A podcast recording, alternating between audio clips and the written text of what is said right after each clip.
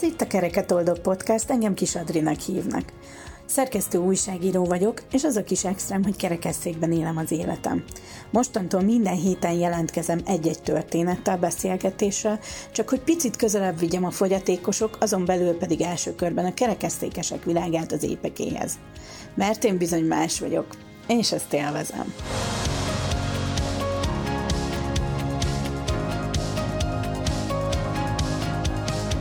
Sziasztok! Sok szeretettel köszöntök mindenkit a mai epizódban. Azt szeretném bemutatni, hogy a fogyatékosoknak a munkavállalás szempontjából milyen nehézségekkel kell adott esetben megküzdeni, hogy mik azok az ügyek, amik esetleg mások, mint az épek esetében. A mai beszélgetőtársam pedig Páder Nagy Orsolya, HR csoportvezető, aki amellett, hogy a munka világáról tud nekünk sok mindent mondani, az ő szülei miatt egy kicsit jobban rálát erre a témára fogyatékos szempontból is. Szia, Orsi! Szia, Adri! Én is köszöntöm a hallgatókat, sziasztok! Igen, ha jól tudom, akkor a te szüleid látássérültek, és ez, ez rögtön egy olyan ügy, ami nekem biztonságot jelent, mert hogy azt gondolom, hogy neked egész más a mm. szemléleted fogyatékos munkavállalókkal kapcsolatban. Egy kicsit elmesélnéd, hogy a szüleid mm. hogy lettek váltássérültek. Igen, és egyébként valószínűleg igazad is van, tehát hogy én sokat gondolkodtam azon, hogy miért is lettem én HRS, hogy miért választottam ilyen humán szakmát, és biztos, hogy, hogy van hozzá köze, hogy a szüleim látássérültek. Hát édesanyám ő már nincsen köztünk, tíz évvel ezelőtt hunyt el, de róla azt kell tudni, hogy ő nagyon erősen látássérült volt, nem látta a színeket, kísérni kellett, nem szívesen közlekedett az utcán egyedül. A szüleim elég korán elváltak, én beleéltem édesanyámmal és a bátyámmal, de az édesapámmal is nagyon szoros a kapcsolatom, ő viszont teljesen vak, tehát ő már, ő már nem látó. Hát én, amit tapasztaltam, egyrészt az, hogy az, hogy segíteni, hogy ebben a szerepkörben már gyerekként felnőni, ez valószínűleg engem jóval szociálisabbá tett a, a témával kapcsolatban, de ami a másik, hogy nekem ez teljesen természetes. Tehát az, hogy, hogy, hogy még mások ezen mindig meglepődtek, vagy most is meglepődnek, hogy, hogy látássérültek, nekem ez teljesen normális. És ezt soha nem élted meg teherként? Lehet hazudni, tehát felnőtt fejjel azért az van, hogy jóval józanabbul látom. Gyerekként, tehát így visszatekintek, én sohasem még nem szenvedtem hiányt, tényleg mindenem meg volt, ami kellett ahhoz, hogy, hogy hogy fel tudjak nőni, de biztos, hogy azért gyerekként voltak ennek olyan korlátai, de mindent megtettek a szüleim azért, hogy ez ne legyen. És ők mivel foglalkoztak, uh-huh. mi volt munkájuk? Hát ez tök érdekes, mert a HR-ben is az első szakdolgozatomat kicsit érintve a témában írtam, mert borzasztó korlátozottak az ő lehetőségeik. A látássérültként van, aki vagy masször, gyógymasszörként dolgozik, édesapám például az egészségügyben dolgozott tényleg nyugdíjas koráig gyógymasterként, édesanyám pedig telefonközpontos volt. Tehát olyan munkát végeztek, de abszolút teljes értékű munkát végeztek, de ami az ő korlátaik mellett elvégezhető volt. És ez meg egy igencsak másik időszak volt. Uh-huh. Uh, láttad ebben az ő nehézségeiket, vagy azt, hogy ők nehezebben szereznek munkát, vagy volt ebből valaha otthon beszélgetés uh-huh. erről? Hát nézd, ugye most azért HR-es szakemberként azt mondom, hogy valóban a munkaerőpiac is teljesen más, tehát az én szüleim lényegében egy munkahelyen töltötték az egész életüket, tehát nem nagyon voltak olyan helyzetben, hogy őket, most nekik munkát kellett volna keresni, hogy én ezt akkor így nem láttam, én azt láttam, hogy megbecsülték őket, és, és azt gondolom, hogy nagyon tényleg teljes értékű emberként él, élnek, éltek, tehát hogy látták el a munkájukat.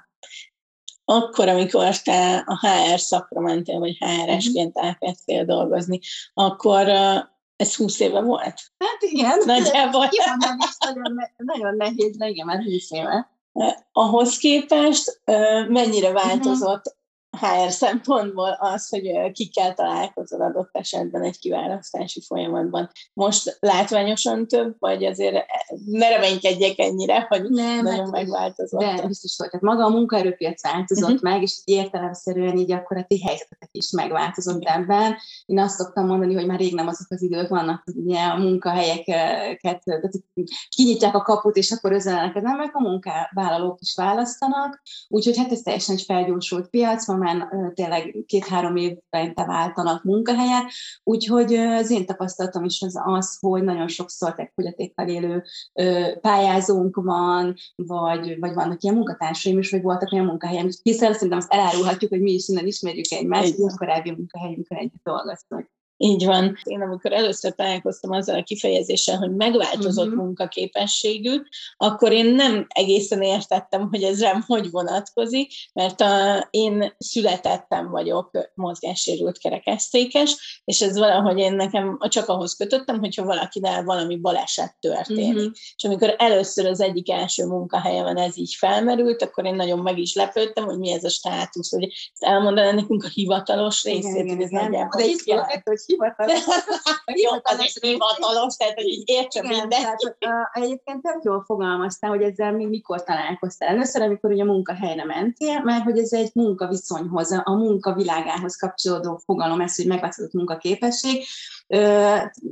Nézd, általában azt mondják, hogy igen, valaki hallássérült, látássérült, mozgáskorlátozott, ezek ugye látványos dolgok, de hogy a munkavégzésben téged korlátozhatnak. Sokan nem tudják, hogy egyébként egy olyan rejtett betegségek is ide tartoznak, mint például cukorbetegség, allergia, autoimmun betegség, ami, ami mondjuk lehet, hogy a terhelhetőségben, vagy mondjuk a ez lehet mint a fizikai terhelhetőség, vagy időbeni terhelhetőség, de valamilyen korlátot okoz neked abban, hogy te a munkádat elvégezd. És ezt a csoportot, ezeket a személyeket, munkavállalókat hívjuk megváltozott munkaképességű munkavállalóknak, akik ebben valamilyen szinten korlátozottak. És ez azt jelenti, hát az én tapasztalatom az az, inkább így mondom, hogy nekem 18 évesen volt egy orvosi vizsgálatom, de én akkor még azt nem is tudtam, hogy ez mm-hmm. erre vonatkozik, hanem megmondom őszintén, annyi volt, hogy én azután fogok valamilyen fogyatékossági támogatást kapni az államtól. Majd ezt követően, amikor bekerültem egy munkahelyre, az első munkahelyemre, vagy az első komoly bejelentett munkahelyemre, inkább így mondom, akkor ez kérdés volt, hogy hány százalékban vagyok kvázi uh-huh. leszázalékolva, mert hogy ennek alapján kaphatok munkát. Majd ezt követően ott lett egy nagy kavarc, de ez, ez azért a 2000-es évek elejéről mm. beszélünk, és kiderült, hogy hiába egyik részről én például száz százalékig le vagyok százalékolva, mégis végezhetek 8 órában munkát. Tehát, hogy akkor a kettő nem függ ennyire össze. És vagy... is. Tehát, hogy uh-huh. azt kell tudni, hogy van, tehát maga ez a megváltozott munkaképesség, ez különböző kategóriákba uh-huh. sorolja ezeket a személyeket. Az szerint, hogy ők milyen szintű, vagy hát milyen munkát tudnak végezni. Az egész mögött az van, és mondtad, hogy a munkáltató egyből kérdezte, hogy hány százalékos a fogyatékosságot, mert egyrészt elég komoly szabályozottsága van ennek, ösztönzik a munkáltatókat arra, hogy foglalkoztassanak ilyen kollégákat, mert hogy ezért majd nekik lesz, majd ezt elmondom, Igen. Lehet, hogy milyen előnyökkel járhat ez, de másrészt meg az van emögött, hogy, hogy titeket is arra ösztönöz, hogy a, a, amit el tudtok végezni munkát, hogy tényleg így integrálódjatok a munka világába, és nem arra megy a hangsúly, hogy miben vagytok korlátozottak, hanem inkább abban, hogy mi az, amit meg tudtok csinálni. Ez mennyivel jobb szemlélet, ez nem? Pozitív, ez egy pozitív szemlélet, ennek ellenére egyébként nem olyan jók a tapasztalatok szerintem. Tehát, hogy ugye az, a, az, hogy a munkáltatók mennyire uh, foglalkoztatnak megváltozott munkaképességűt, de és akkor tényleg egy pár mondat, mint csak erről a szabályozottságról, meg mondtad, hogy hány százalék ezt úgy kell elképzelni, hogy ha tehát azt hiszem 25 fő fölött, de meg vannak határozva ilyen létszámok, hogy mekkorák a vállalatok, hogyha ö, mindenkinek ilyen rehabilitációs járulékot kell fizetnie, ami akkor csökken, hogyha ő alkalmaz olyan kollégát, akinek bármilyen ilyen fogyatékossága van. Mhm. Tehát ez egy olyan teher, ami, amit mindenki megfizet, értem szerint csökken, hogyha a titeket foglalkoztat, de egyébként nagyon sok olyan bértámogatás van, pályázat van, amivel anyagilag támogatják, tehát ösztönzik őket arra, hogy, hogy, hogy foglalkoztassanak.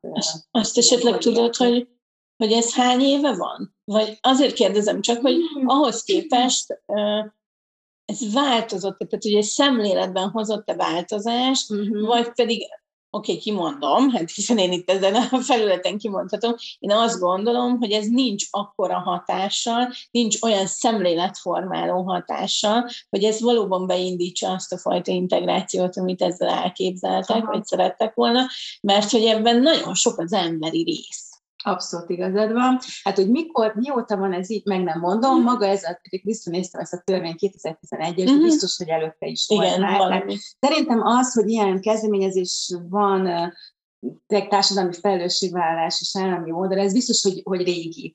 A szemléletváltást jó, hogy mondod, mert most így fölmentem a netre, tudom, hogy ide találkozunk, és egy kicsit azért utána olvastam, rettentő sok edukációs anyag van fönt, próbálják tényleg a munkáltatókat így, nem azt mondom, hogy rábeszélni, de most beszéltünk az előbb az anyagi részéről, de van ennek egyébként egy ilyen CSR vonala, hogy a munkáltatók azért szeretnek támogatni, meg szeretnek a gondoskodó vállalatként, tudod, az előbb mondtam, tudod, versenyeznek már a munkavállalók, mm-hmm. úgyhogy ők is szeretnének jó fényt vetni magukra, úgyhogy Úgyhogy sok munkáltató ezt ki is teszik marketing szempontból, hogy ő neki vannak ilyen munka, munkatársai, de kicsit visszakanyarodva az előző gondolatra, hogy szemléletet, hogy váltás, hogy biztos, hogy folyamatosan ez megy, mert találtam egy olyat, ez teljesen friss szabályozás, hogy egy ilyen mentori szerepkörben, hogyha foglalkoztatnak kollégát, akinek az a feladata, hogy segítse a beilleszkedésben és a munkavégzésben a, a, akár a mozgáskorlátozott vagy látássérült kollégát, ő is már ebbe a kvótába beleszámolódik, tehát például ez is,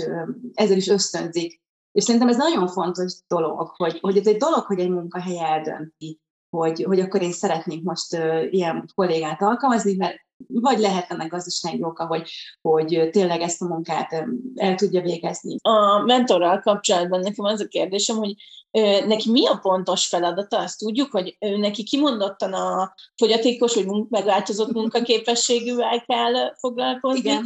Aha, na mert hogy az én az én szemléletem, és ez valószínűleg abból adódik, hogy én Nekem, engem a családom úgy nevelt, hogy olyan környezetben nőttem fel, hogy ugyan én más vagyok, segítségre van szükségem, de közben nekem ugyanúgy meg kell tennem mindent az élet különböző területén, mint mindenki másnak. Mm.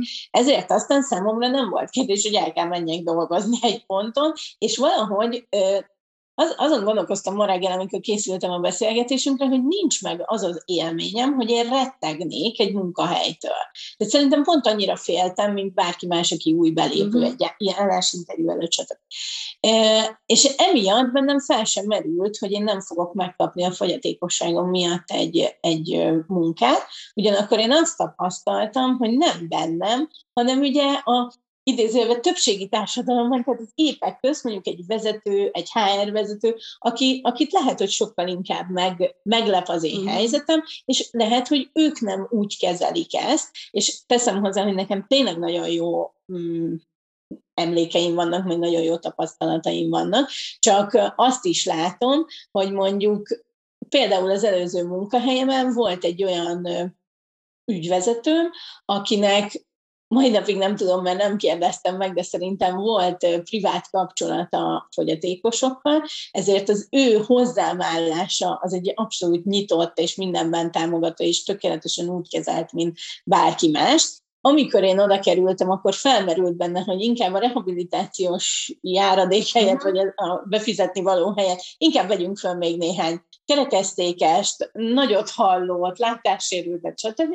Majd abba buktunk bele, hogy, hogy a többi vezető alatta az kevésbé volt nyitott. Mm-hmm. És hogy ezért kérdezem, hogy a mentornak pontosan mi a, a feladata, Biztos, mert szerintem az épeket is lehet, hogy kéne. Hogyne, sőt, szerintem őket kéne a legjobban. Tehát, hogy a, nem tudom, hogy mi volt, én azt gondolom, hogy ez volt egyébként az indukációja, pontosan ez. Az, hogy, hogy én azt látom, tehát mivel nekem is érintettségem van, erről te, tudod, mondtam az elején, tehát nekem ez egy természetes dolog, de azt kell elképzelni, hogy az emberek ö, így megijednek ettől az egész témától, és nem mernek kérdezni, és ha meg nem kérdeznek, nem alakul ki egy párbeszéd, és inkább távolságtartóan.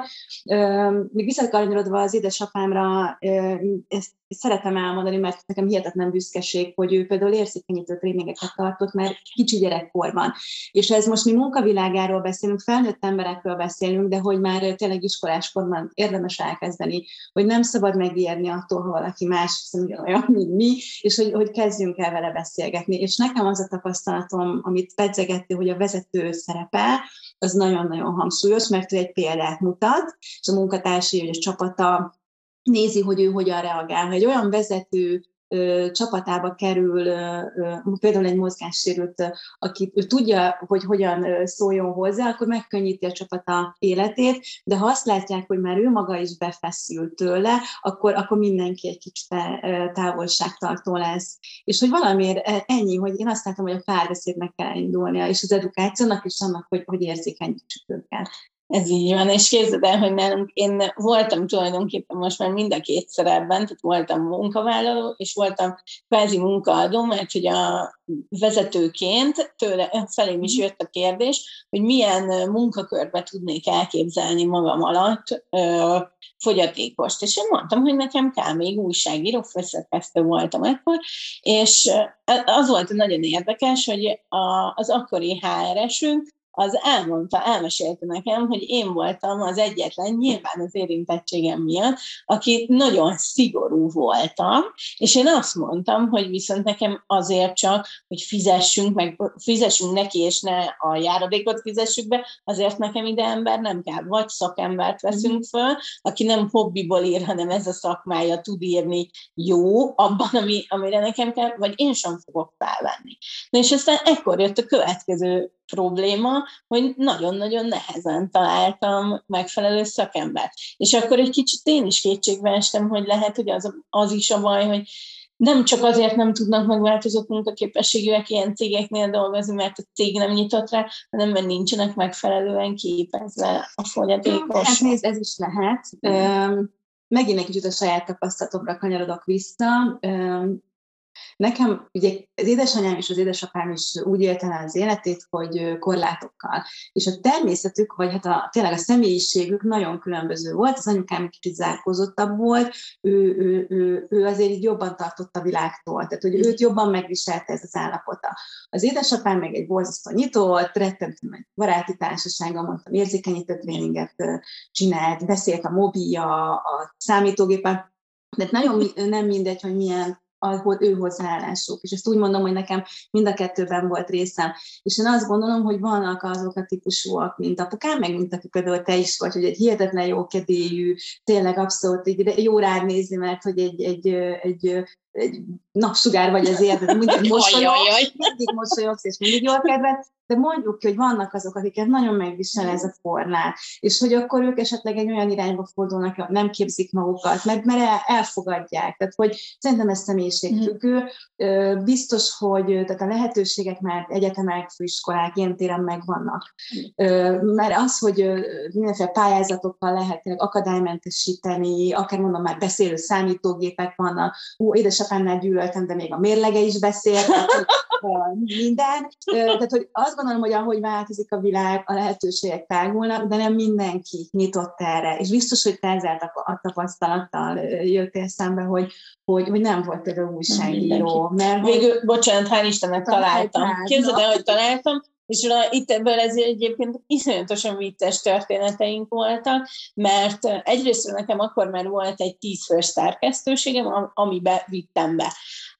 Nagyon érdekes volt, hogy elgondolkoztam, megtaláltam az újságírót, kerekesztékes ő is, nem azért, mert direkt kerekesztékes mm-hmm. szerettem volna, hanem ő volt tényleg a megfelelő számunkra, és ott egy pillanatra elgondolkoztam, hogy na jó, de most én vagyok a vezető, én mit várnék, hogyha jövök egy új csapatba, akkor mi történik? És nem volt erre tapasztalatom, mert soha nem kérdeztem, hogy ahova engem fölvettek, ez hogy zajlott. Mm. Ezért én, én összehívtam, mielőtt ez a lány hozzánk jött dolgozni, én a csapatomat összehívtam, és én elmondtam nekik, hogy akkor most hozzánk egy kerekesztékes új kolléga fog érkezni, és bár tudom, hogy számukra, ha más nem miattam már nem annyira meglepő ez, de szeretném, hogyha tudnák, hogy neki ez a problémája, ő is hasonlóan nyitott egyébként, mint én vagyok, lehet kérdezni, tőlem is lehet kérdezni, de hogy legyen mhm. ez egy ilyen nyitott ügy, és hogy én azt gondoltam, hogy ennek a lánynak ezzel tudok segíteni, hogy egy kicsit felkészítem az egész csapatot. És azt gondolom, hogy ez nagyon jól is sikerült, bár nekem van erre egy teóriám,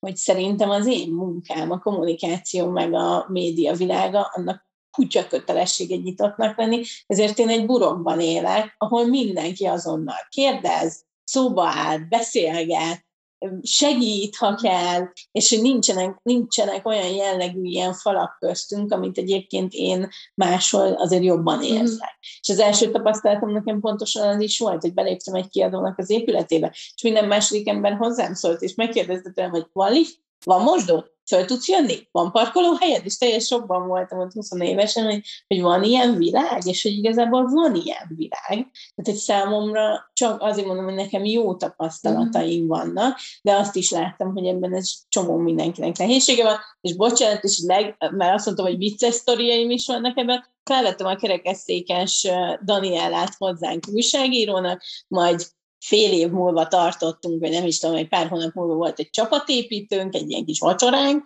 és sikerült egy olyan helyre leszerveznem, ahova csak segítséggel tudunk bemenni, és nincsen mosdó számunkra. és, így, és így álltott mindenki, és mondták, hogy de most tényleg? És mondtam, hogy én nagyon sajnálom, hogy az van, hogy valószínűleg annyira én is ebben a természetes létemben, vagy mondjuk amit én meg tudok oldani, arról azt gondolom, hogy a másik is el tudja. Hát sírva röhögött rajtunk mindenki, hogy pont én szerveztem meg egy jó kis akadályos buli, de jól éreztük magunkat. Nyilván azért ott meg volt hozzá az a közeg, amiben jól tudjuk magunkat érezni.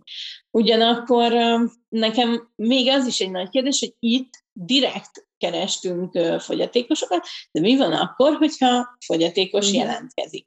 Állandó ügyem, hogy vajon beleírjam a CV-be, hogy kerekesztékes vagyok, olyan képet rakjak-e oda, vagy ha motivációs levelet kérnek, akkor melyikbe írjam bele? Mindenképp. Tehát én, én azt mondom, hogy, hogy, hogy az őszinte, ez az őszinte CV, ugyanis legkésőbb mikor fog kiderülni, amikor megérkezel az állásinterjúra, és őszinte leszek veled, a HRS mindent szeret, csak meglepődni nem. Tehát ö, ö, ö, most egy kicsit más téma, de ugyanezt szokott feljönni a kismama kérdésre, hogy beleírjam-e, hogy, hogy szülési szabin voltam, vagy nem. Úgy is kiderül az első, a harmadik mondatnál, tehát ugyanúgy ez is, hogyha megérkezel a kerekesszékeddel, és én azt gondolom, hogy olyan munkahelyre, ahol a te helyedben lennék, én azt mondom, hogy nem is szeretnék menni, ahol ez probléma. Tehát igenis bele kell írni, és ez most nem azt mondom, hogy büszkén vállalni, de ez volt te. De hova írom? Én azt gondolom, hogy ha van motivációs levél, akkor oda. Az könnyebb, igen. Annak oda teljesen beleillik. Illetve mostanában szokás az, hogy egy ilyen rövid mottót, egy rövid, egy mondatot írunk a CV elejére. Az, hogy, hogy így magunkról, hogy mit gondolunk a világról, és én abba, abba oda simán bele. Ez nagyon jó, ez egy jó, jó ötlet, köszönöm szépen, mert hogy én most jelenleg ugye éppen állást is keresem mm. többek között. megnézem az Köszönöm szépen. És, és találkoztál olyannal, amikor egyébként mégiscsak csak meglepődtél? Ö, olyan nem volt, ö, viszont van egy ilyen sikersztori, ezt mindenképp el szeretném mesélni, mert minden hr van így, amikor így azt mondja, hogy úristen, ez, ez egy ilyen hideg kirázó sztori. Ö, egy nagy vállalat volt, ahol dolgoztam, egy nagy multi cég, ahol, ahol egy kerekesszékes hölgy jelentkezett. Én arra emlékszem, ez már azért volt, vagy tíz évvel ezelőtt, tehát annyira a sztorira nem emlékszem, de hogy, hogy ő balesetben, tehát hogy ő, ő te használtad ezt, hogy épp éppen született, és hogy ő azért idősebb korában lett mozgássérült, tehát hogy azért ő iskolázott volt, és tényleg a lehetőségé adottak voltak, és egy nagyon egyszerű adatrögzítő munkakörre jelentkezett. És amikor leült az interjú, nekünk nem volt probléma, tehát tudtuk, uh-huh. hogy kereket, nem ezzel, nem ezzel, nem ezzel lepődtünk meg, hogy ő kerekesszékes, hanem a, a, egyszerűen a, a, a hölgy én emlékszem, hogy így ültünk a vezetővel, és azt mondtuk, hogy úristen, hát ez egy, ez egy, ez egy ilyen gyöngyszem, tehát hogy nagyon-nagyon kvalifikált volt, nagyon értelmes volt, nagyon szépen kommunikált, és azt mondtuk neki, hogy úristen, őt nem lehet be, betenni egy ilyen adatrögzítőben, sokkal komolyabb feladatokat lehet rábízni, Na, nem akarom ezt túlhúzni a sztorit, mivel ez egy nagy vállalat volt, kerestünk neki cégcsoporton belül egy sokkal komolyabb, sokkal jobb fizetéssel egy pozíciót, és amikor én felhívtam, én emlékszem, hogy nem akarta elhinni. Tehát, hogy ő, ő saját magát kicsit mondjuk ki lejjebb, lejjebb sorolta, azzal a saját korlátait, és mondtuk, hogy de hát ez csak egy kerekesszék, meg lehet jönni, meg lehet oldani, minden meg van oldva, és hogy egyébként meg te simán meg tudod csinálni. Nem tudom, mi, mi történt vele, én azóta már egy persze nem dolgozom ott, de hogy ez nekem egy ilyen, egy ilyen tök szép emlékem maradt, hogy őt egy sokkal jobb pozíció, vagy sokkal jobb fizetéssel. Igen, de jó. És az a, a, a különböző nagy cégeknél, ahol dolgoztál, vannak olyan gyakorlatok, ami, amit úgy láttál, hogy kimondottan emiatt fejlesztette ki, vagy hogy inkább inkább az emberek érzékenységén múlik az, hogy mennyire lesz befogadó uh-huh. vagy nyitott egy... Hát ilyen programot vagy tréninget még egyébként konkrétan nem láttam. Amit te meséltél, hogy összehívjuk a csapatot, érzékenyítünk, beszélünk róla, főleg ha van érintettség, tehát valakinek az ismerőse vagy te tehát azért az elég hiteles lehet, hogy te összehívtad a csapatot, de azt gondolom, hogy ezt az orientációt próbálják a vállalatok, ezt ők is látják, hogy, hogy erre szükség van, de egyébként ilyen konkrét tréninganyagot én még nem láttam. Ja, ez azért jó hír, mert hogy én éppen egy ilyennel ja. készülök, tehát hogy ez, ez jó hír.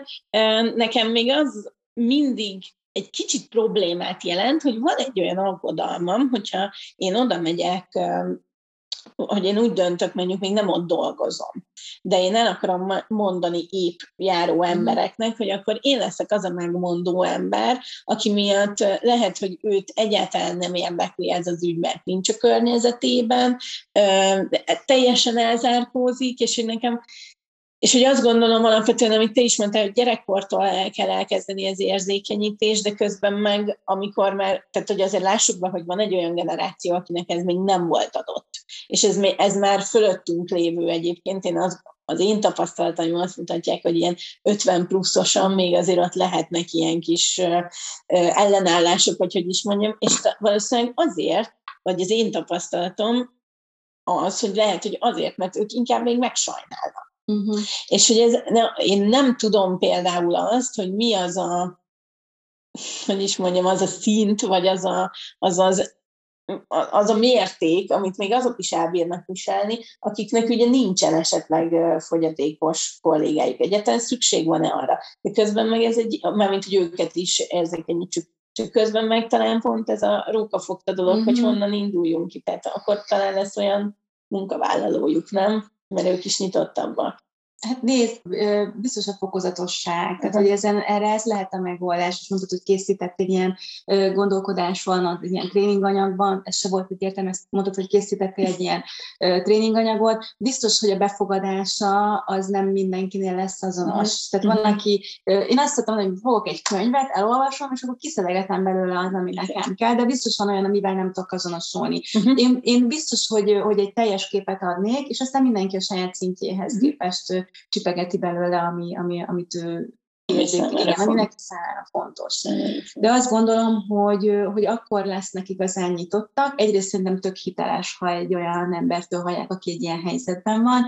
Az, hogy ez a sajnálat, ezt mit behoztál, szerintem ez, ez olyan dolog, amit meg nektek kell elfogadni, hogy valószínűleg az első érzés az, az, egy, az egy sajnálat lesz, de hogy ez nem a lesajnálat, hanem hogy az, hogy, hogy, hogy egyébként meg azért az emberek azt gondolom, hogy higgyünk abban, hogy azért segítők, és hogy szeretnének segíteni, és a, a, a legfontosabb, hogy, hogy azt tudják, hogy hogyan tudnak segíteni. Uh-huh. A, a vakok és zsengéllátóknál az elsődleges, amikor gyerekeket készítenek fel arra, hogy hogyan is segíts egy, egy nem látónak, az első, amit megtanítanak, az, hogy kérdezd meg. Tehát, hogy tudod, oda, mindenkiben az, hogy oda rohan, megfogja, átkísérem az úton, lehet, hogy nem is akar átmenni az úton, megijed a látássérült, nem tudja kérjetet odahozni, és ez az első, amit megtanítanak, hogy kérdezd meg, és igazából szerintem erre kell edukálni az embereket, hogy nem kell megijedni. Szerintem most is teljesen nyíltan beszélgetünk erről a, a helyzetről, és hogy, hogy kérde, bárbeszéd, kérdezd meg, mire van szüksége, és abban segítek, amire neked szükséged van. mondjuk nekem ez a veszőparipám egyébként, tehát azt hiszem, hogy nekem is ez az a, vagy, vagy ez az az ügy, amit meg kell tanítani, hogy kérdezzen. Meg én azon gondolkoztam el, pont a napokban, nem is emlék, azt hiszem, egy gyengén értelmi fogyatékos srácról láttam egy videót, és, és ez viszont felmerül bennem, hogy mindenkit lehet el a munkavilágába integrálni. Biztos, hogy nem. Ugye ezért is van, amit az elején mondtam, hogy vannak ezek a fokozatok, százalékok, tehát ezt megállapítják hogy mi az, ami, ami, amire te tényleg alkalmas, vagy amit el tudsz végezni, sajnos van az, a, az akit már nem, és őt, őt, el, őt úgy gondozni kell, vagy ő nem való, akár fizikai korlátai, vagy az elején mondtam, tehát most mondta egy értelmi fogyatékosát, tehát hogy lehet, hogy ő már egy olyan teher, amit már nem tud tolerálni a környezettel. A környezetem nem is. Jó, hát én azt hiszem, hogy van ebben még feladatunk bőven, tehát hogy mindegyikünknek, de hogy én mindentől függetlenül nem látom annyira vészesnek a helyzetet, mert hogy szerintem pont, amit előbb mondtam, felnőtt az a generáció, akik egyébként már látnak az utcán, vagy a mindennapi életben olyan embereket, akikkel, akikkel akár együtt is dolgozhatnak. Én 2014-ben, és most vissza is kerestem, olvastam a Nyitottak vagyunk ö, csapattól egy kutatást, és a kutatásban, hát ez ugye akkor hány éve volt? Hét éve hát. volt, igen. És a kutatásban az szerepelt akkor, hogy a, megkérdezték, hogy milyen típusú munkavállalók azok, akikkel nem szívesen dolgoznának együtt. És az első helyen a nem szívesen a romák voltak, utána az LMBTQ tagok, tehát valószínűleg az egyszerű ember a melegekre gondol, uh-huh. utána a zsidók, és a negyedik helyen már a fogyatékosok. És ami még nagyon érdekes volt, hogy a, a fogyatékosok és a zsidók között az volt a különbség, hogy a fogyatékosokat viszont még nehezebben fogadják el vezetőként. Uh-huh. És én azért kerestem vissza ezt, mert emlékszem, hogy engem mennyire szíven ütött, és úgy emlékeztem, hogy ez sokkal közelebbi időpontban volt ez a kutatás, de nem, ez 7 éve volt, és arra jutottam, hogy szerintem ma ez már közel nem így néz neki, és én erre iszonyatosan büszke vagyok, mert azt is gondolom, hogy a fogyatékos emberek azzal, hogyha csak egy-egy elmegy ilyen helyre dolgozni, akkor igenis egy fecske csinálhat. Hogyne. Mert akkor annak már biztos, hogy lesz egy olyan környezete, aki, aki szerintem egy sokkal elfogadóbb, megnyitottabb lesz. Ez biztos így van, meg hát nem tudom, ti egyébként egymást így segítitek? És csak azért kérdezem, mert te vagy de te kérdezed, de azért kérdezek vissza, mert, mert például én a szüleimnél azt láttam, hogy volt ez a, vagy van is ez a Vakok és Zsengátok Szövetsége azért, ami egy közösség, és itt segíti őket. Vagy ha lehet így említeni, és nem minősű reklámnak, én a Suhany Alapítványt is nagyon támogatom, akik szintén egy közösség, hogy, hogy azért azt látom, hogy ennek is van egy ereje az az igazság, na ez egy másik nagyobb, nagyobb pak, de csak nem, nem, nagyon, nagyon igazad van, mert hogy ez az én életemben egy nagyon megoszt, saját magammal megosztó téma, hogy úgy mondjam, mert egyik részről egyetértek, én abszolút hiszek a közösség erejében, viszont nekem mindig problémám van, és a suhany az mondjuk kilóg már ebből a sorból, de hogy nekem mindig az a gondom, hogy begyöpösödött szervezetek vannak mm. ma és hogy nekem nagyon sok olyan tapasztalatom volt, nagyon sok olyan tapasztalatom volt, amikor azt, azt láttam, hogy nem, nem engedték be az évvilágot. Uh-huh. Tehát, hogy annyira összezártak, és ez az élet bármely területére igaz, annyira összezárt az adott szervezet az adott fogyatékosaival, hogy emiatt, emiatt nem jutott, így határolottak, szegregálták. Igen. És hogy nekem, nekem ez egyébként szintén egy ugye, annyi mindenre mondtam, hogy az ügyem, azt hiszem, hogy életen át csinálgathatnám ezt, hogy azért, mert én meg vagyok róla győződve, hogy ezt ma a 21. században sokkal integráltabban kellene csinálni, sokkal, sokkal piacibb szemlélettel, és például nekem nekem meggyőződésem az is, hát csak a kommunikáció területén dolgozom, hogy ezeknek a cégeknek nem ajándékba és ingyen és sukni tuningból kéne például az egyszázalékos kampányaikat megcsinálni, vagy a bármilyen érzékenyítő kampányaikat, hanem adjuram Isten látszik az, hogyha ebbe pénzt töltek, és szakember van mögötte. Sajnos e- ebben én szigorú vagyok, mert az, amikor azt mondják, hogy neked úgyse telik semmibe, csak írjál öt sort, arra én el szoktam mondani, hogy na de az az én munkám.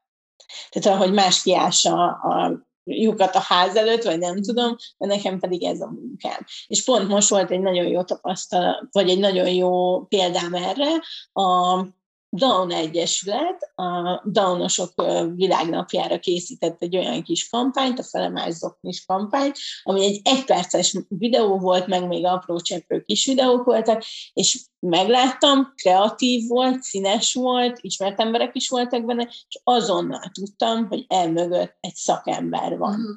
És Hát büszkén el, elárulhatom, hogy utána kiderült, hogy egy nagyon kedves volt kollégám van mögötte, és én nagyon, nagyon meg is dicsértem. És így visszatérve a munkavilágára, hogy én azt gondolom, hogy ennek van egy, egy segítő ereje is, és ugyanakkor pont ezt tud szegregálni, nagyon nehéz uh-huh. szerintem a kettő közt meg, megtartani így az egyensúlyt. Hát igazából én nem vagyok semmilyen ilyen szervezetnek a tagja, ez annyira nem meglep Valahogy most sejtettem, hogy ezt mondod a végén. De elfogadom. Elfogadom okay. mindenkit, aki mégis csak. Te gondolod, hogy egyébként egy pecske is csinálja. Szerintem legyen ez a mondásunk. Köszönöm szépen, Orsi. Köszönöm szépen, hogy meghívtál.